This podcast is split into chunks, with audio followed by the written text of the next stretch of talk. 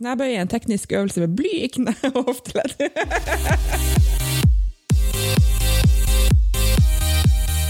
Hei, og velkommen til Styrkeløfterne, en newbie-podkast om gains. I dag skal vi jo snakke om knebøy. Ja. Og det passer seg jo veldig fint, i og med at vi nettopp har tatt masse knebøy. Ja. Men først om knebøy. Hva er knebøy? Wikipedia sier knebøy er en styrkeøvelse hvor utøveren står med en vektstang på skuldrene, bøyer hofteledd og knæledd og senker seg ned i sittende stilling, for så å reise seg opp igjen. Veldig enkelt. Ja. Lett forklart. Og så står det, står det knebøy er en teknisk styrkeøvelse. Det kreves riktig løfteteknikk med rett, lett svai rygg. Knær skal ikke over tær. Riktig pusteteknikk og en gunstig løfterytme. Her er det jo noen ting som man kan ta tak i, tenkte jeg. Ja, jeg, jeg bare ser når jeg har en skriveleif i mitt notat. Ja. Jeg har skrevet knebøy er en teknisk øvelse med bly i kne og hofteledd. ja, for så vidt. Føles det jo litt sånn.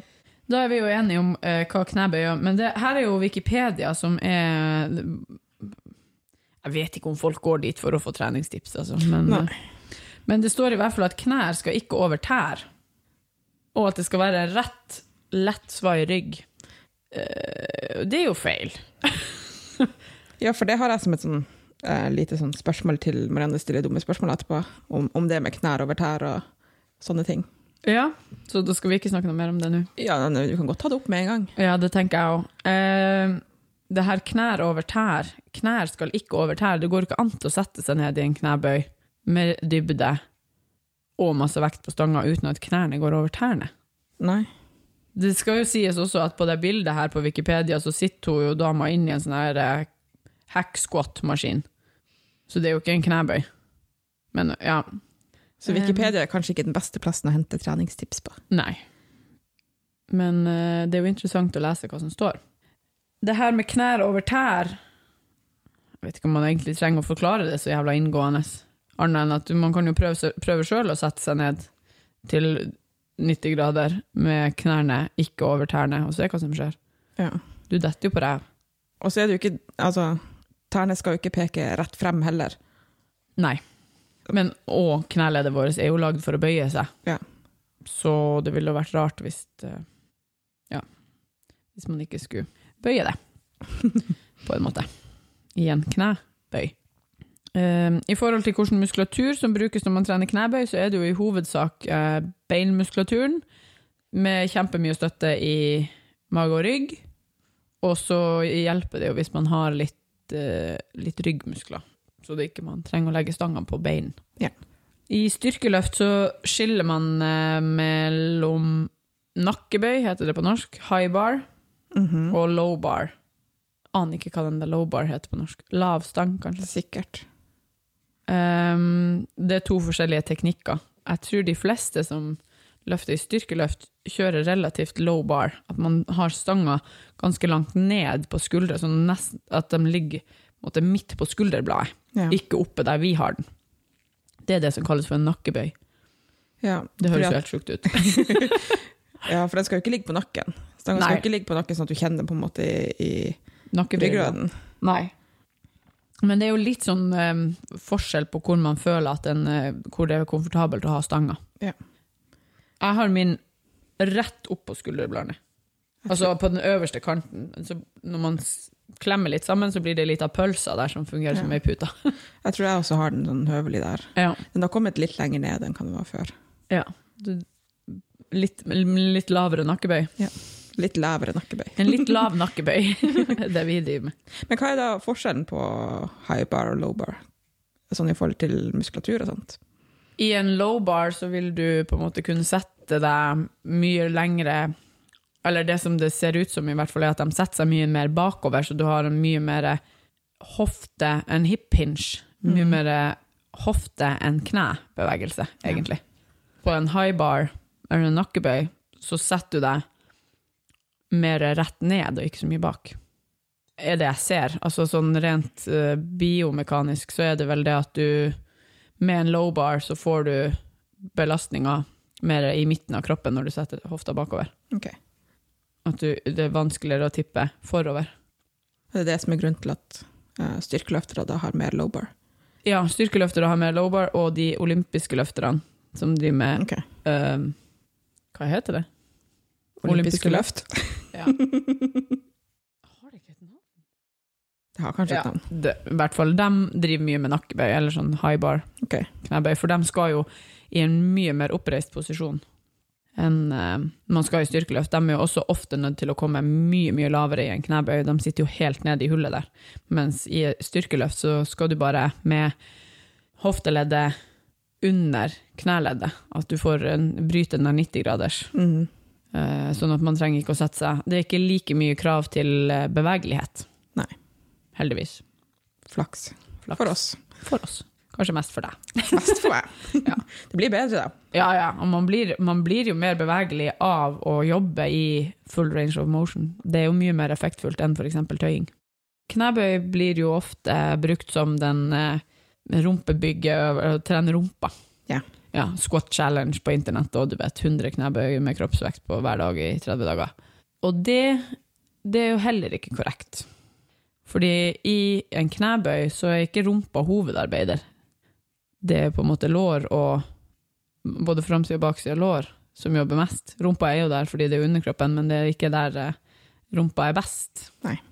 Eh, så det er vel kanskje det er vel kanskje fra den, eh, de der eh, populærkulturen at, eh, at knebøy skal gjøres med knær ikke over tærne.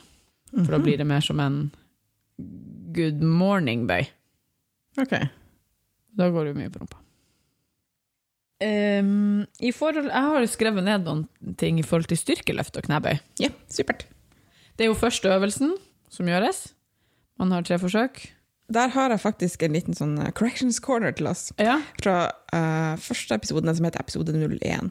Mm. Uh, hvor vi drev og snakka om at ja, hvis du, at du ikke gjør sånn og sånn, eller hvis du ikke klarer det, så blir du diskvalifisert. Mm. Men det blir du ikke. Du blir ikke diska for å ikke klare et løft, du bare får ikke poeng på det løftet. Å ja, sa vi det? At Ja. det blir diskvalifisert? Å ja, ok. Ja, du får ikke poeng. Ja, det blir strøkket fra totalen din. ja. Ja. Det er ikke Mm. sånn at du ikke får lov å prøve igjen. Nei. Du har jo tre løfter likevel. Ja. I knebøy så er det jo lov til å ha knebøysko. Og det er sånne med litt høyere hæl. For oss som ikke er så veldig mobile. Ja, og noen, noen liker det fordi de føler seg mye mer stabile i dem. Mm. Jeg har prøvd å knebøye litt i knebøysko, og jeg liker det ikke. Jeg liker mye bedre å knebøye i flate sko, Converse. Men det er sikkert en øvingssak. Helt sikkert. Men det er jo ikke noe krav til at man må ha det. Nei da, det er ingen krav, det er valgfritt. Men det er vel det eneste løftet der på en måte en sko har vist seg å, å være forskjell på. Ja. Gi, gi uttelling på. For du, hvis du bruker den på markløft sammen med skoen, så er det jo negativt. Da lager du deg jo lengre løftebane. Det vil man jo ikke. Nei, det tenker jeg også at det er ugunstig.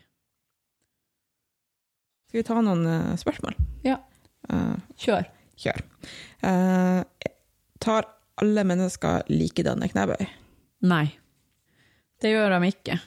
Et knebøy kan se veldig forskjellig ut fra menneske til menneske, fordi det ene er jo hvor bevegelig man er, hvordan man ser ut, både i form av hvis man har lange lårbein og korte, korte rygger, eller motsatt, eh, om man har vært skada, hvor man har muskelsvakhetene sine.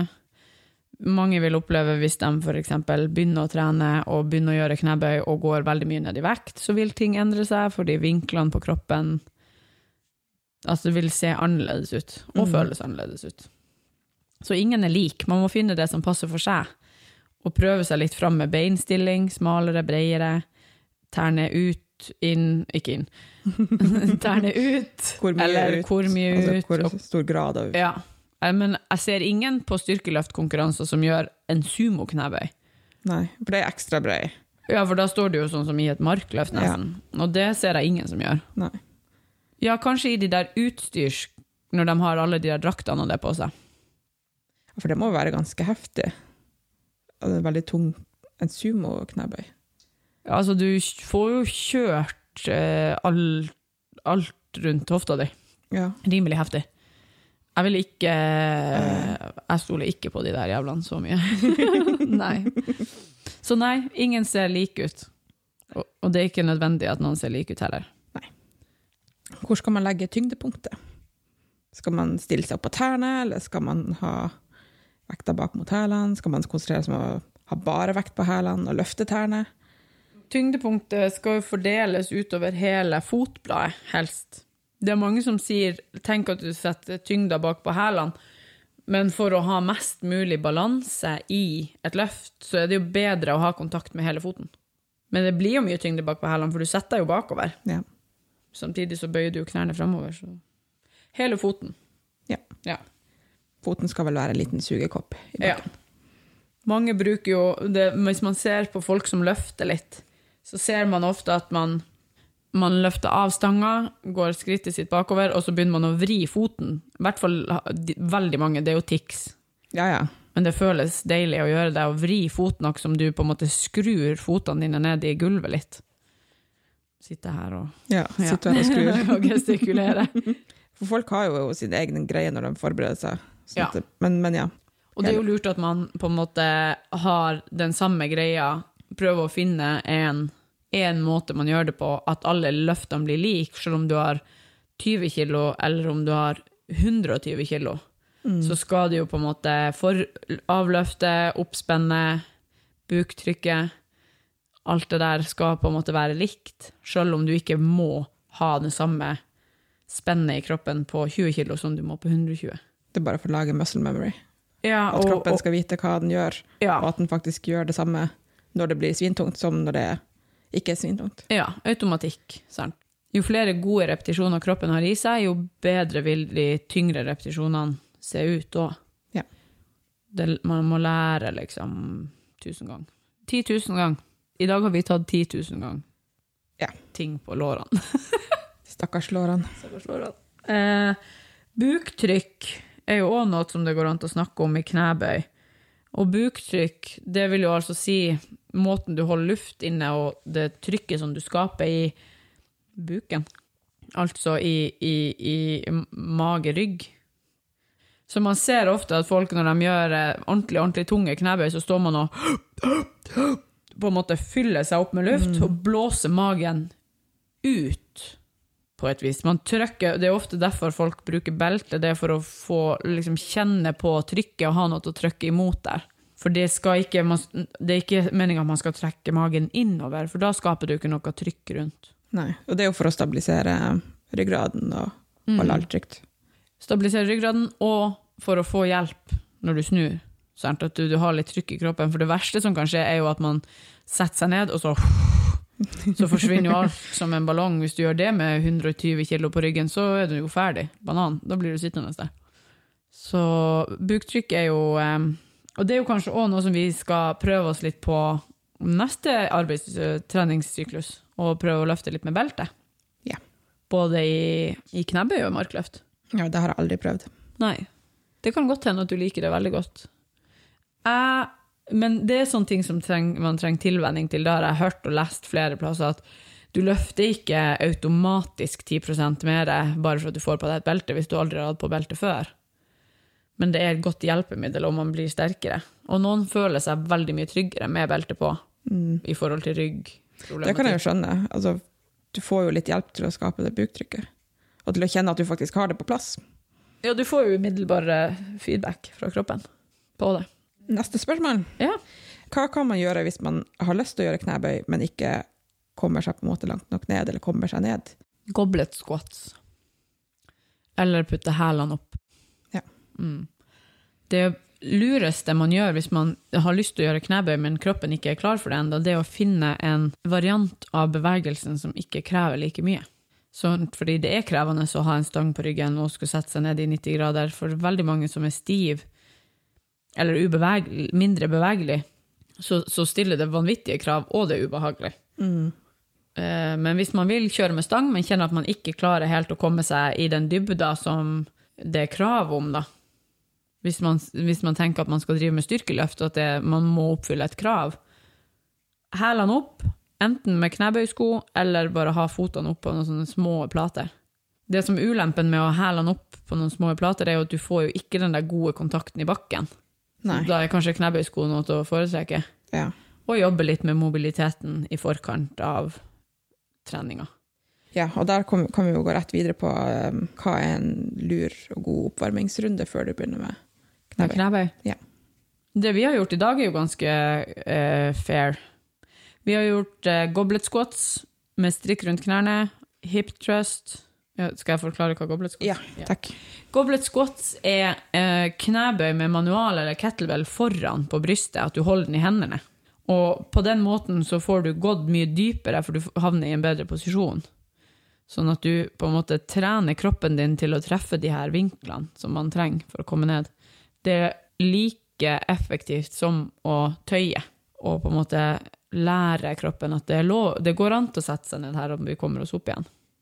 Noe annet som, veldig, som mange syns er deilig, er jo sånne mobilitetsøvelser som f.eks. squat to stand. Der står man og Det er jo helt umulig å forklare. Ja, OK. Vi skal prøve. Du kan ikke begynne å demonstrere, for Nei. da tror jeg du slår ned mikrofonen. Jeg skal ikke demonstrere, jeg skal prøve å forklare det. Du står med hoftebredde, med hoftebredde mellom fotene, og så setter du hendene dine under tærne. Ja. Altså, Du du, bøyer bøyer deg ned og setter hendene Det må man jo nesten Ja. bøye seg ned. Sette hendene rundt tærne. Og så prøver man å rette ut kropp, altså beina så godt som mulig, før du skyter brøstet opp og hofta ut, og prøver å skape en flat rygg mens du setter deg ned i en knebøy. Ja. Hendene under tærne hele tida, og bruker hendene til å presse knærne utover. Jeg tenker sånn, det er enda mer intelligent å søke på YouTube og ikke høre på det her. Jeg skal nok finne en YouTube-video, og så kan jeg linke den i notatene på Ja, veldig effektivt. Eh, en annen som er god å bruke, er en som heter World's Greatest Stretch. Hun Marianne finner YouTube-video på den òg. Det, Det er bare ikke det er vanskelig å forklare. Men det er strekkøvelser. Strekkøvelser i kombinasjon med en eller flere knebøy-lignende øvelser der du får varme opp muskulaturen og strekt på det. og så gjorde vi hip thrust, og så gjorde vi Windmills. windmills. Så vi kan, vi eh, kan finne egentlig linker til alle de her. Ja. Ja. Hip thrust og goblet squats gjorde jeg med strikk rundt knærne for å øke aktiveringa i rumpen, fordi jeg har litt sånn eh, valgusknær når det blir tungt i knebøy, at knærne mine går innover etter jeg har sittet. Når jeg skal røyse meg opp, så kommer de litt sånn boing innover.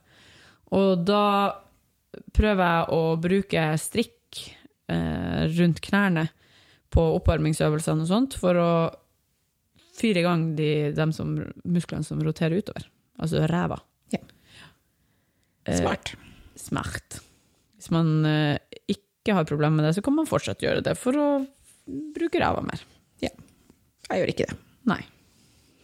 Det er valgfritt. It is valgfright. Eh, har du flere spørsmål? Er det lurt å sitte på huk i hverdagen? Å, det er superlurt å sitte på huk i hverdagen. Og så tenkte jeg skulle bare bekrefte det sjøl, for at jeg har fokusert litt på det. Har du sittet på huk? Jeg har sittet på huk Dæven, bra jobba, Marianne.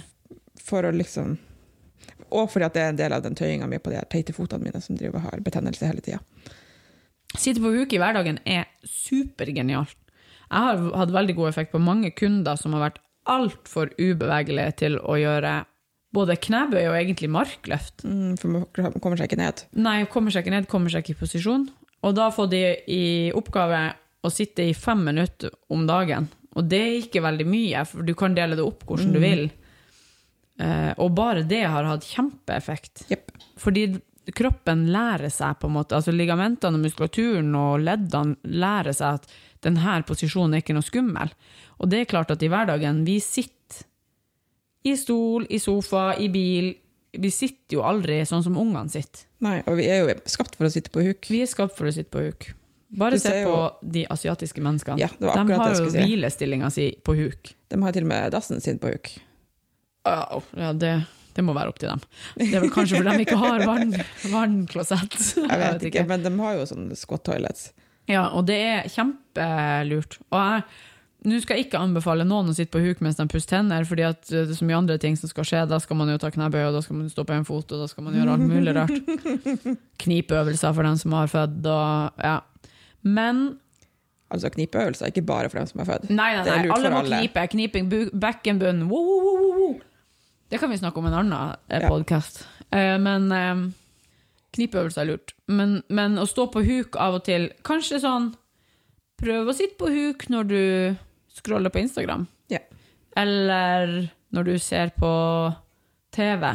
Eller når du står og venter på at havregrynen skal koke i mikrobølgeovn. Eller når du prater i telefonen. Eller når du prater i telefon. Og hvis det er sånn at man i begynnelsen har problemer med å klare å sitte på huk uten å dette bakover, så bare begynn med å holde deg i noe. At du sitter på huk foran et eller annet, sånn at du kan hjelpe til. Fordi det går ikke lange tida før du på en måte er komfortabel til å sitte på huk uten å holde deg i noe, og sitte relativt komfortabelt. Og etter hvert kan du begynne med sånn å reise opp armene og vri deg rundt og jobbe litt og bli komfortabel i den posisjonen. For kroppen svarer på all stimuli vi gir den. Jeg kunne prata om i 100 år. Ja, men det er superlurt. Ja. Men det er det samme det med å henge fra Ja. strake armer. Fy faen. Heng og sitt på huk. Masse ting er løst. løst. Ta omega-3. Du, har- da fyrt det. Ja. Sitt på huk, heng, ta omega-3. Det- Da er livet, hvis det ikke kan fikses, så gå bak loven. Du er ferdig. Neida. Neida. Ikke, ikke gå bak loven. Men jeg har leita frem noen, eh, noen norgesrekorder i knebøy. hei. Ja, på jentesida, fordi vi, vi tar dem først. Ja. Det er jo artigst. Girl power. Ja. Her er det jo noen tall som er ganske mye høyere enn det vi har å holde på med nå. Er det nå vi skal bli demotivert? Nei, nei, vi skal ikke bli demotivert, for fy faen for noe beistete kvinnfolk det er i Norge. Ok, vi skal begynne i alle de her er i åpen klasse, altså mellom 29 til 39? 40? Ja, det er i hvert fall ikke juniorer og ikke veteraner. Nei. Det er åpen klasse, og da deles de jo deretter inn i kategorier, altså vektklasser. Så i 52 Jeg tror man sier minus 52. Ja, for man skal veie 52 eller mindre. Ja. Så er det hun Karen Hesthammer som har eh, norgesrekorden per i dag, på 135 kilo. Å, satan! 52 kilo kropp. What? Mhm. Det er helt sykt. Ja, men hun er også sykt kul og beistmodus. Jeg følger henne på Instagram. hun er helt rå. Eh, I 63 og 57 kilosklassen så er det ei som heter Monica Rasmussen som har norgesrekord. Hun har altså 160 kilo i 63 kilosklassen fra 2018 og 142 kilo i 57 kilosklassen fra 2016. Fy Så hun har altså gått opp en vektklasse og gått opp nesten 20 kilo. Ja, det er helt vanvittig. Ja, det er kjempesykt. På to år. Fy flate. Eh, I 72, minus 72 er det hun Marte Elverum. Hun er jo eh, beist-modus. Hun er jo helt sjukt god på det hun gjør. Hun har 180 kilo. Det er så sykt. 180 kilo. Jeg bare sier det en gang til. Eh, og så er det i 84 kilo, minus 84. Det er det som heter Karen Tvedt. Hun har 185,5 kilo. Shit. Og så er det pluss 80, 84 pluss. Det er det som heter Lene Thoresen, og hun har 180 kilo. Ja, da har vi mitt nye mål, da. Ja, 182,5 kilo. Men det som er litt interessant å se her, er jo det at fra 72 til 84 pluss er det samme kiloene. Altså, man, det, det, det går jo opp med vekta på utøveren, men det går ikke helt sjukt mye opp. Nei. 7,5 kilo fra 52 til 57 kilosklassen. Det er ikke voldsomme greier. Mm -mm. Altså, Det er små- alt er jo voldsomme greier når vi faen meg er over 140 kilo, liksom. Det er jo Men det er jo små marginer. Ja, Det er sånn skikkelig dagsform, eh, egentlig. Altså, ja, Mm. mye trening og sånt, men, men har du Ja, ja. en litt ræva dag og bommer med et halvt kilo ja. Men det her er er jo norgesrekorder i de enkelte løftene. Ja. Og det er jo ikke sikkert at, eh, selv om du har tatt en norgesrekord på et stevne, at du vinner klassen din. Nei. Det hjelper jo sikkert, men, men jeg vet ikke om Altså, du kan jo løfte Ha en sjukt bra knebøy i dag, og så løfter du godt der, og så driter du deg ut på alt annet. Ja. Fordi det er jo andre ting som teller. Altså, totalen er Ja. jo viktig å ha høy. Og jeg tenker jo at når markløft Knebøy er jo det løftet du er freshest på, men kanskje også der du er mest nervøs, fordi det er først. Men når markløft kommer, når du allerede har liksom maksa knebøy tre ganger, og maksa benkpress tre ganger, så skal du løfte markløft, så er du jo kanskje ikke like fresh i beina. Nei.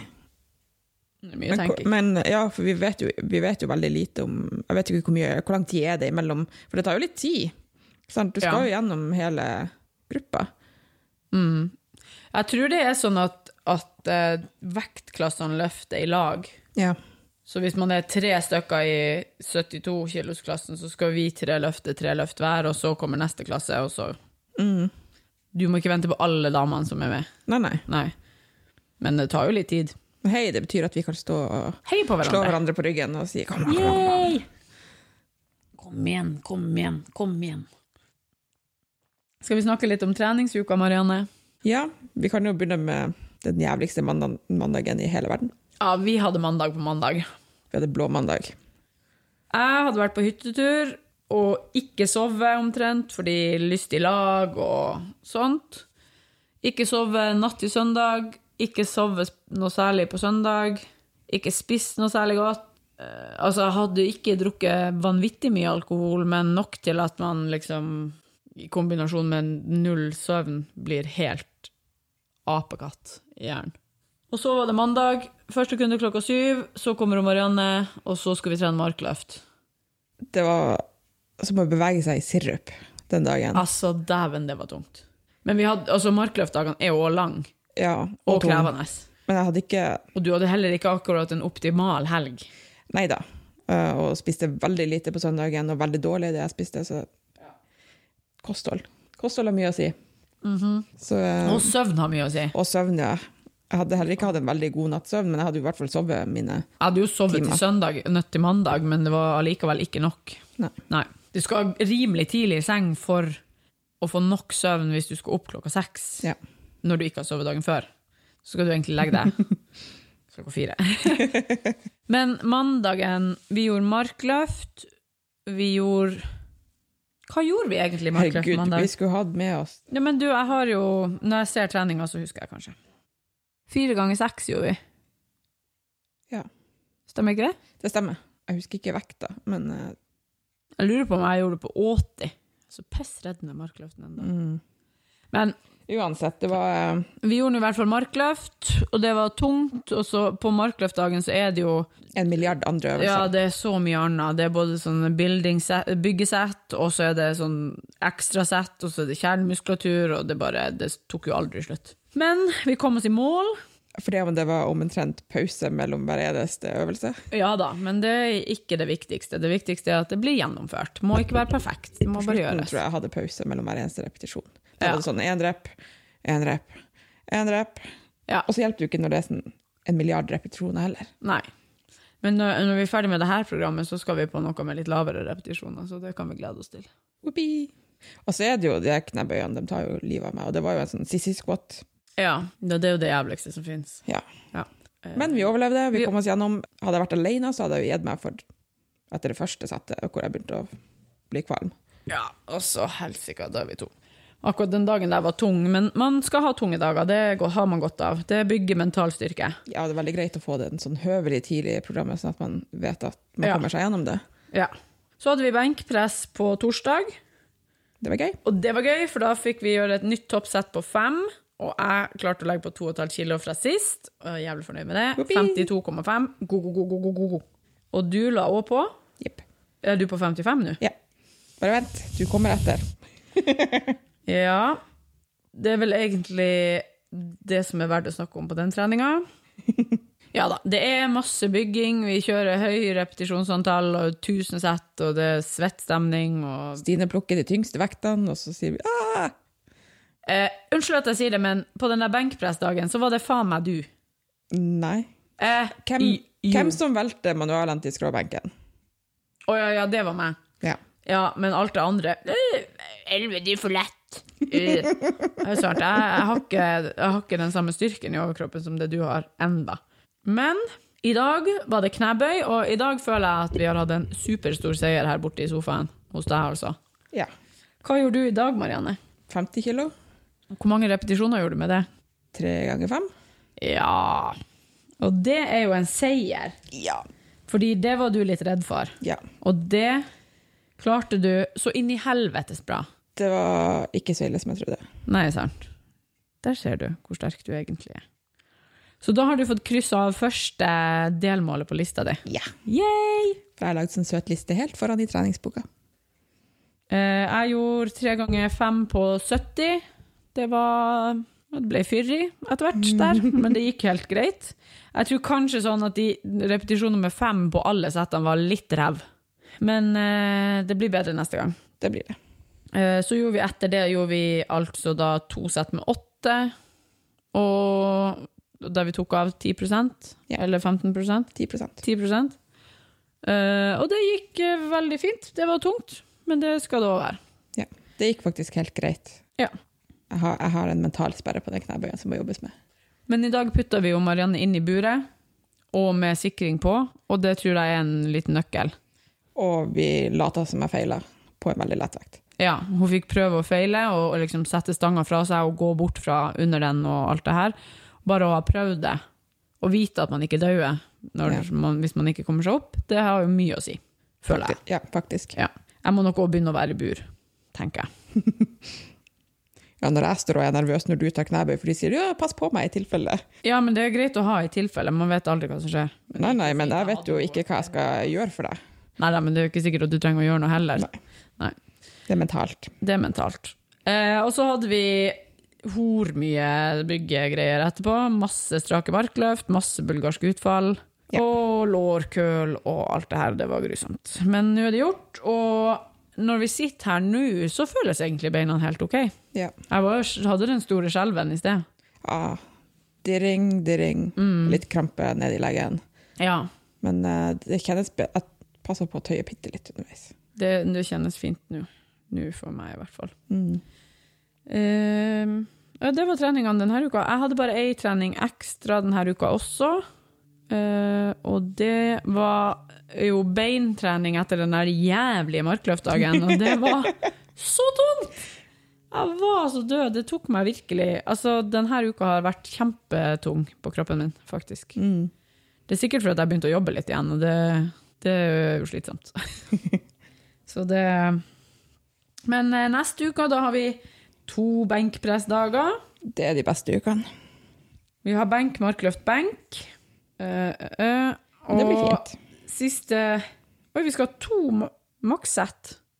Ja, det er du som har de oppdaterte notatene som du ikke har jeg har ikke de oppdaterte notatene. Jeg vet ikke hva vi skal gjøre på den markløften, men alt det andre er jo der. Ja. Det betyr at i morgen skal vi ta ett uh, amrap-sett med to kilo mer enn uh, det vi hadde på Uke én, står det. amrap-settet i uke én.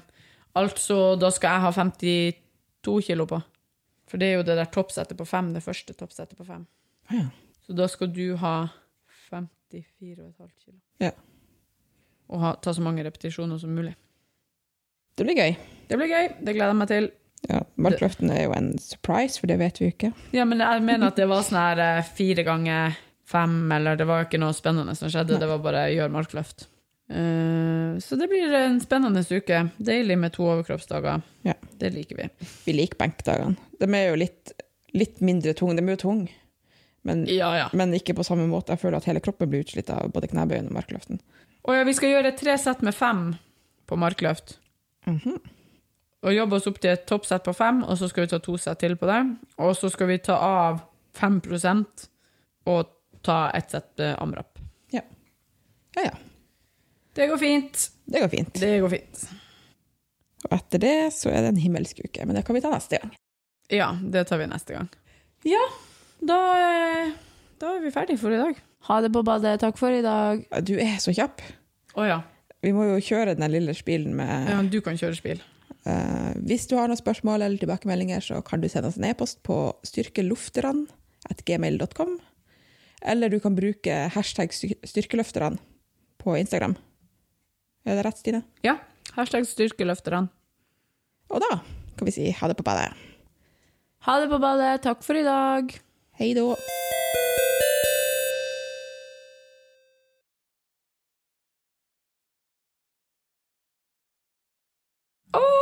Kirsti hører på oss!